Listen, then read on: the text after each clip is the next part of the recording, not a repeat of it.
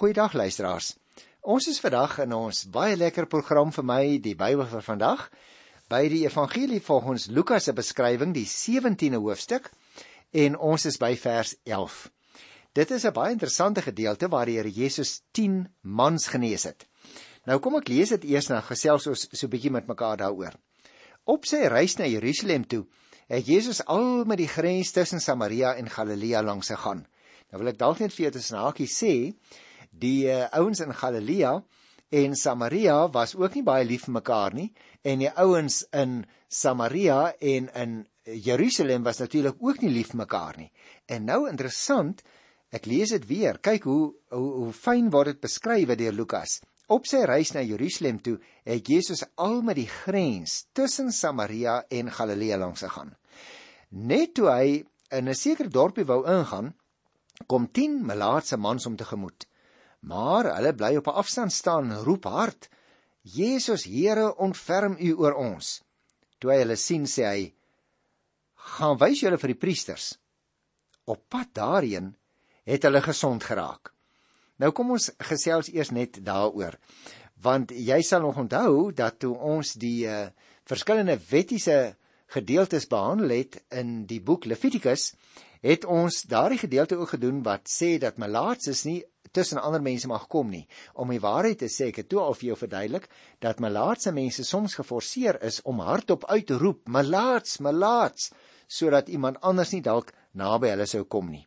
En daarom moes die malaatses ook uh ver van ander mense af woon, wat 'n mens kan verstaan. Hulle moes altyd uh hulle teenwoordigheid bekend maak. En as hulle dan nou nie roep malaats, malaats nie, kon hulle ook roep onrein, onrein.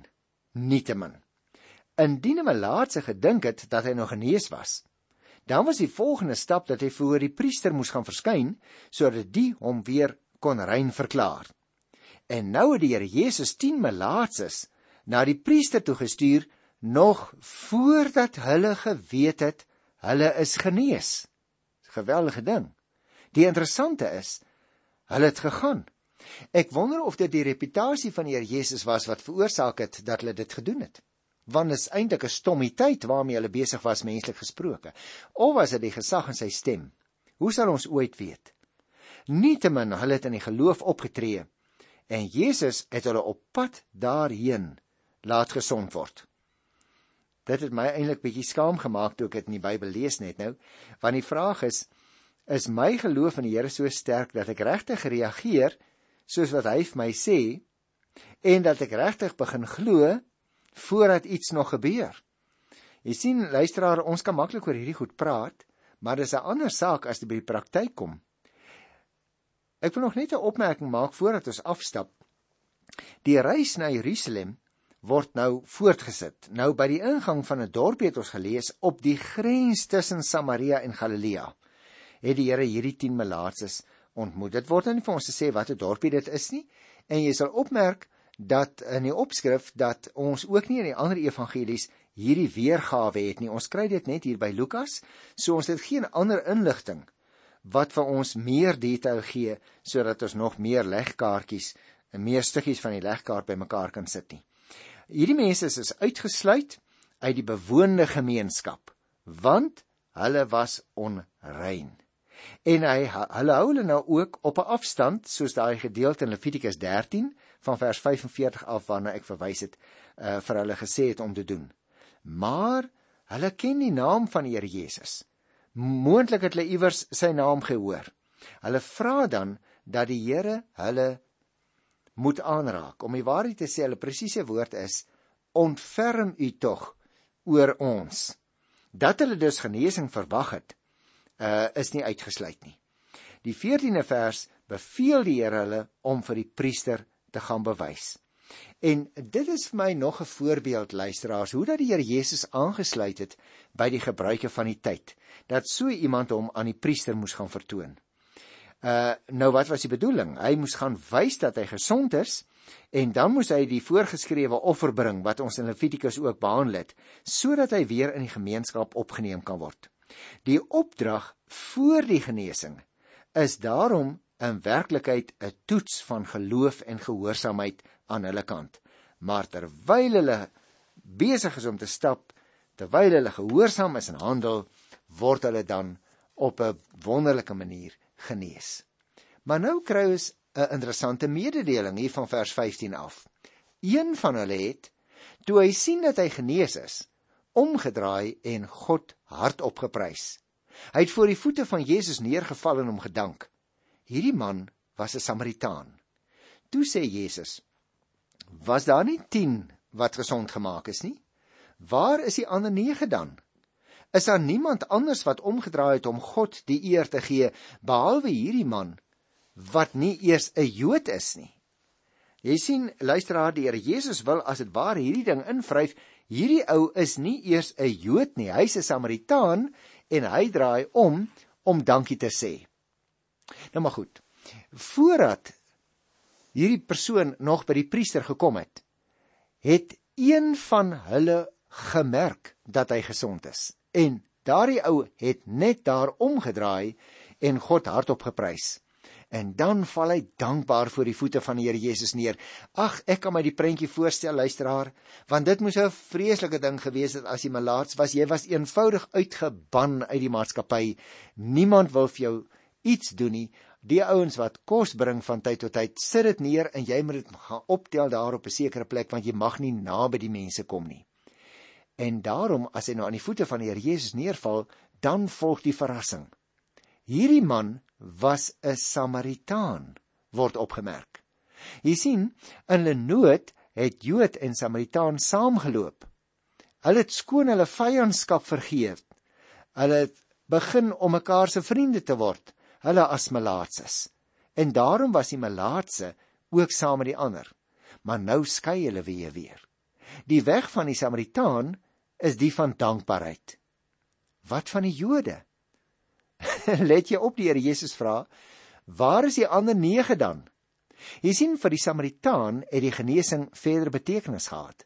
Vir hierdie man het die wonder van genesing 'n weg geopen tot geloof in Jesus tot saligheid. Maar die ander het nie eers teruggekom nie. Jesus het al 10 genees, het jy dit opgemerk, maar net hierdie een het gekom om dankie te sê. Dit was 9 van die melaatse mans se gesindheid om nie terug te kom nie. Deur is om te draai, het die dankbare melaatse erkenning gegee aan die Here vir wat hy vir hom persoonlik gedoen het. Die wonder en die geluk wat hom te beurt geval het, wou hy nie net selfsugtig gaan geniet nie, maar hy het eers tyd afgestaan om God daarvoor te dank. En sodoende het hy erken dat sy gesondheid nie net 'n persoonlike saak is nie, maar dat God ten nouste daarbey betrokke is. Jy weet luisteraars, dikwels soos jy en ek ook. Ons vergeet om die Here te dank vir ons gesondheid terwyl ons kan rondloop. En is eers wanneer ons bedlêend raak of 'n ernstige siekte opdoen dat ons dan na die Here toe wil terugkom. En daarom het hierdie man aan die voete van die Here Jesus neergeval. Daar word pertinent vermeld dat hy 'n Samaritaan was, dus iemand wat deur die Jode verag en gehaat is. En Lukas maak 'n punt daarvan om te sê dat dit juis hy is wat terugkom het. Nou ja goed. Kom ons lees 'n bietjie verder. Die volgende opskrifie is die koms van die koninkryk. Dit is hier in Lukas by die 17de hoofstuk van vers 20 af. Ek lees eers net vers 21 en 22. Toe die Fariseërs vir Jesus vra wanneer die koninkryk van God dan kom, het hulle geantwoord: "Die koms van die koninkryk van God kan nie kan nie uit voortekens bereken word nie. Hulle sal nie kan sê: "Kyk hier, hier is dit" of Daar is dit nie, want die koninkryk van God is hier by julle. Nou dis 'n belangrike opmerking. Het jy gesien die Fariseërs het hulle druk besig gehou met die vraag wanneer die koninkryk van God dan kom? En nou het voortekens plaasgevind. Byvoorbeeld hierdie genesings. Of byvoorbeeld eh, mense wat gevoed is en wat selfs op 'n afstand in sommige gevalle genees is soos hierdie melaatses terwyl hulle op pad was om hulle te gaan wys aan die priester. Die Jode het naamlik geglo dat allerlei tekens te sien sal wees wanneer die koninkryk kom. Daniël 12 vertel ook so 'n bietjie daarvan. En nou ontnugter die Here Jesus hulle. Mense sal nie van die koninkryk kan sê hier is dit of daar is dit nie. Die vraag moet gestel word na die koning van die koninkryk. En hy is hier by hulle. En dit was so belangrik dat die Jode dit nie raak gesien het nie. Met ander woorde, die Here se koninkryk is nie woordig in die bediening van die Here Jesus alreeds. Die koninkryk van God luisteraars is nie soos 'n aardse koninkryk wat geografiese grense het nie. Nee, nee, dit bestaan uit die werk van God se gees in die lewens en in die verhoudings van mense. En daarom moet ons vandag nog steeds daarteen waak om die ontwikkeling van God se koninkryk te wil meet aan die sukses wat sekere instellings of sosiale programme behaal. Maar ons moet eerder kyk na die werk wat die Here in die harte van mense doen. O die Here Jesus se woorde dat die koninkryk van God hier by hulle is, kan op verskillende maniere verstaan word. As hy daarmee verwys het na die innerlike koninkryk, dan val die klem natuurlik op die geestelike verandering wat daar in die harte van sy volgelinge moet wees. Aan die ander kant, as hy bedoel het dat dit by hulle is, is dit ook 'n bevestiging van die koning se teenwoordigheid, met ander woorde sy eie teenwoordigheid by hulle. En dan wou hy dalk hê dat sy woorde op allerlei maniere verstaan en gehoorsaam moes word. En daarom luister na vers 22. Daar sal dae kom wanneer julle daarna se verlang om net een van die dae van die seun van die mense sien, maar julle sal dit nie sien nie. Hulle sal wel vir julle sê, kyk hier of kyk daar, daar is hy. Maar moenie gaan nie en moenie agter hulle aanloop nie. Soos die weerlig wat uitslaan die hele lugruim van die een kant na die ander toe verlig, so sal die koms van die seun van die mens ook wees. Maar eers moet hy baie ly as die mense van hierdie tyd hom verwerp. Terwyl die Fariseërs nou hier staan en luister, onderrig die Here Jesus sy disippels oor die toekoms. Moeilike dae kom, sê hy. En daarom sal hulle verlang om net een van die dae van die seun van die mens te hê. Maar dit sal nie gebeur nie. Mense sal met ander woorde wel so 'n moontlikheid wil aanwys. Die disippels moet egter nie dat hulle nood hulle dwing om die aanwysings te glo nie. Sy wederkoms sal so onmisbaar en so onverwags wees soos 'n weerligstraal sê hy. Geen uitleg en geen verduideliking sal nodig wees nie. Almal sal dit sien en almal sal ook weet wat dit beteken. So het ons al geleer in Matteus 24 by vers 27. Maar voor dit kan gebeur, sê hy, moet die seun van die mens eers baie ly Sy sterwe, broers en susters, is met ander woorde die voorwaarde vir sy wederkoms. Kom ek sê dit nog 'n ander keer andersom.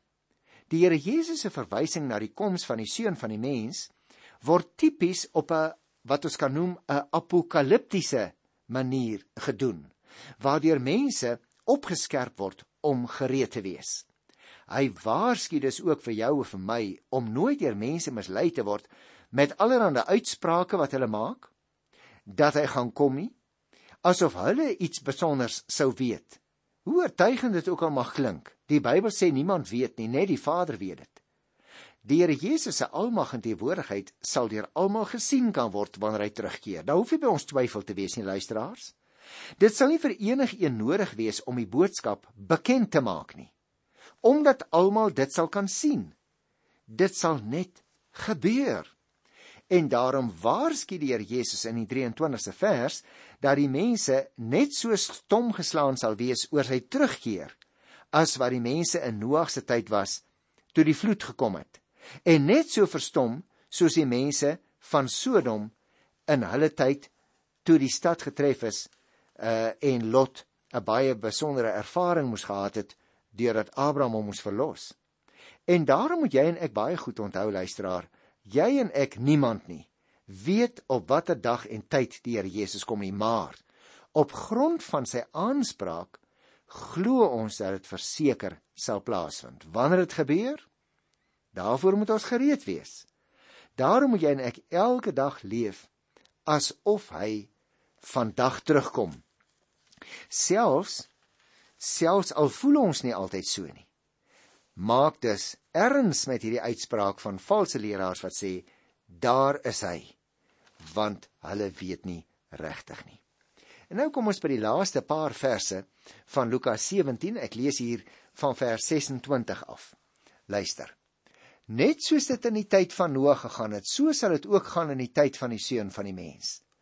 Hulle het mos soos gewoonlik geëet en gedrink en getrou tot op die dag dat Noag in die ark ingegaan het.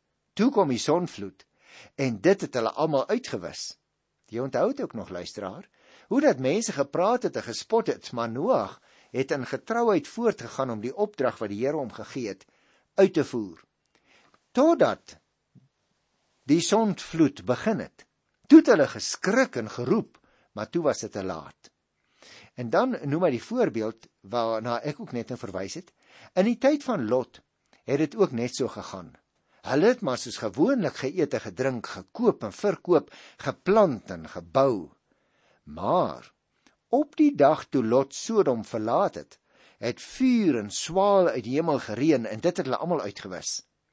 Net so sal dit ook gaan op die dag wanneer die seun van die mens verskyn. Dan moet die man wat op die dakstoep sit nie ingaan om sy besittings huis toe te gryp nie. Net so moet ook die man wat op die land is nie omdraai huis toe nie. Onthou wat met die vrou van Lot gebeur het. Elkeen wat sy lewe probeer behou, sal dit verloor. Maar elkeen wat dit verloor, sal dit behou. Ek sê vir julle, daar sal twee mense op een bed slaap. Die een sal saamgeneem en die ander agtergelaat word. Twee vroue sal koring maal, die een sal saamgeneem en die ander een agtergelaat word. Toe vra hulle hom: "Waar, Here?" Hy sê vir hulle: "Waar aas lê, daar sal aasvoëls ook by mekaar kom." En daarom luisteraars, lyk dit vir my moet ons baie duidelik weet, die Here Jesus se verwysing na die seun van die koms van die mens word in tipiese terme beskrywe waar die detail nie uitgestippel word nie. Met ander woorde, dit is ook nie sy plan om al die detail uit te stippel nie. Ehm um, dis ook nie vir ons nodig soos in 'n vorige program ook al gehoor het om al die detail te weet nie. Die Here Jesus waarsku ons dus teen alle valse sekuriteit. Jy en ek moet afsien van die waardes en die bande van die wêreld wat ons soms bind sodat ons gereed kan wees vir sy terugkeer. Hy sal onverwags terugkeer. En dan sal niemand 'n tweede kans kry nie. Party mense sal saam met hom gaan en ander mense sal agterbly, so leer hy. En dan daardie 37ste versie wat ek gelees het, wil ek net nog 'n keer onderstreep. Toe vra hulle hom: "Waar, Here?" Hy sê vir hulle: Waar aas lê, daar sal aasvoëls bymekaar kom. Jy sien luisteraar, die Here Jesus het die disippels se vraag met 'n bekende spreekwoord van daardie tyd beantwoord. Dit beteken nie veel as daar een aasvoël in die lug is nie, maar as daar baie aasvoëls bymekaar is, dan beteken dit dat daar heel waarskynlik 'n dooie ding op die grond lê. En met hierdie beeld wil Here Jesus nou sê dat die koms van die seun van die mens net so duidelik sigbaar sal wees soos wat die versameling van aasvoëls op die aanwesigheid van aas in die ruimte is. Daarom op die vraag waar het hulle heel waarskynlik hierdie uitdrukking verstaan. Sy koms sal vir almal waarneembaar wees, net soos die weerlig en net soos die aasvoëls wat sirkel daarbo in die ruimte. Dit sal ook beteken dat die seun van die mens sal kom wanneer die wêreld in sy sondige verrotting ryp sal wees vir sy oordeel. Daarom luisteraars, jy en ek hoef nie regtig te wonder presies hoe en wanneer dit sal plaasvind nie, want ons weet nie. En daarom wil ek net graag vir 'n oombliekie weer terugblaai na Markus wat ons nou al reeds behandel het, maar dit was nou al 'n hele paar weke uh gelede waar die Here Jesus hierdie selfe goed gesê het in Markus by die 13de hoofstuk. En ek dink dit is vir ons van groot belang dus dat ons wanneer ons sekere tekens sien, sal besef ons kan nie die afleiding maak nou gaan die wederkoms wederkoms plaasvind nie, maar ons moet weet wanneer ons die tekens sien, moet ons weet dat ons nie weet nie. Ek verwys jou na Markus 13 wat ons behandel het. Daarbo in die 3de versie staan die profetiese rede rampe en vervolging. En luisteraars, hoeveel rampe en vervolging was daar nie al deur die eeue nie? Hoeveel is daar nie op die oomblik in ons tyd nie? En daarom kan ons nie 'n lineêre lyn trek. Met ander woorde, ons kan nie 'n direkte afleiding maak omdat die dinge gebeur daarom gaan die wederkoms nou plaasvind nie. Die Here Jesus het in Markus 13 byvoorbeeld ook gepraat van die groot verdrukking wat sal plaasvind net pas voor die wederkoms. Nou broers en susters, dit hang ook in 'n groot mate af waar jy woon in die wêreld. Uh dit hang af van die politieke omstandighede in sekere lande waar mense werklik verdruk word. En tog en tog het die wederkoms nog nie plaasgevind nie. Al hierdie tekens wil dus vir ons sê, as jy die tekens sien, dan moet jy gewaarsku wees dat die seun van die mens kom. Die dag en die uur, dit weet ons nie. En daarom wil ek hier teen die einde van vandag se program terwyl die Here Jesus hierna verwys in ons gedeelte in Lukas, wil ek die laaste 3-4 versies lees van Markus by die 13de hoofstuk. Luister, daar staan geskrywe: Maar niemand weet wanneer daardie dag en uur kom nie, selfs nie die engele in die hemel nie, ook nie die seun nie, net die Vader weet dit. Jy sien, die Here Jesus se opmerking dat hy self nie die tyd ken nie, bevestig vir ons die feit dat hy as middelaar volkome mens was. God, die Vader alleen, weet wanneer dit sal gebeur. Die klem op hierdie uitspraak val dus op die feit dat niemand weet nie.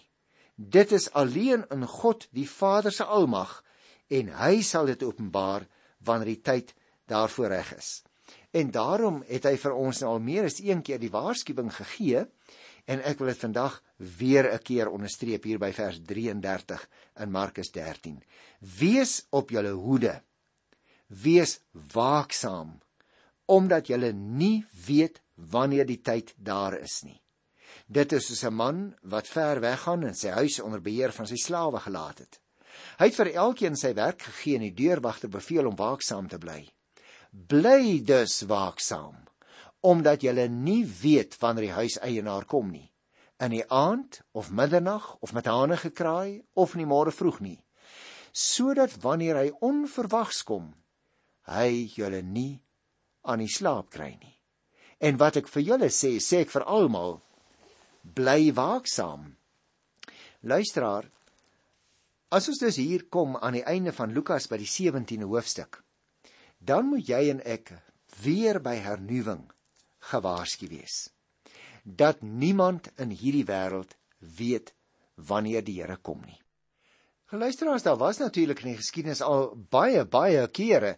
Ek dink een van die beroemdste kere was dat uh, deur 'n sekere godsdienstige groep in 1914 voorspel het dat die Here Jesus in daardie tyd sou kom. En uiteindelik natuurlik toe dit nou nie plaasgevind het nie, het hulle ewe vroom verklaar, maar het eintlik gekom, hy het in die harte van mense gekom. Maar dit was 'n uitkoms uitkom kans wat hulle gesoek het, want die feit is, die Bybel vertel dat wanneer hy weer kom, daar geweldige kosmiese veranderinge sal wees, dat elke oog hom sal sien, dat daar sulke ingrypende gebeure uh nie net in die sonnestelsel nie, maar ook op aarde sal plaasvind dat daar geen onsekerheid kan wees nie. En daarom kan jy en ek die sekerheid hê. Ons sal nie hoef te twyfel dat die Here Jesus dalk op 'n geheimsinnige manier sal kom nie. Dat hy dalk op 'n land of 'n plek sou kom wat ons nie sal weet nie. Want die Bybel vertel vir ons wanneer hy kom, sal elke oog sien wanneer hy kom. Intussen hoef ons maar waaksaam te wees. As ons dus uh hier kom aan die einde van hierdie hoofstuk, dan sê ons ook vir mekaar Die koms van God se koninkryk het op 'n besondere manier plaasgevind deurdat die Here Jesus in sy persoon fisies by die mense van destyds teenwoordig was.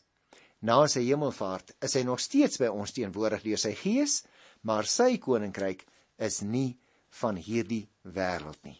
Sodat sy koninkryk reeds gekom het, daaroor het tot geen twyfel nie. Dat die afronding en die finalisering van sy koninkryk nog voorlê, nou ja, daaroor het ons ook geen twyfel nie. Ons sien met blydskap en met verwagting daarna uit. En op hierdie positiewe noot wil ek jou groet in die wonderlike naam van Jesus Christus, die koning van die konings. Tot volgende keer.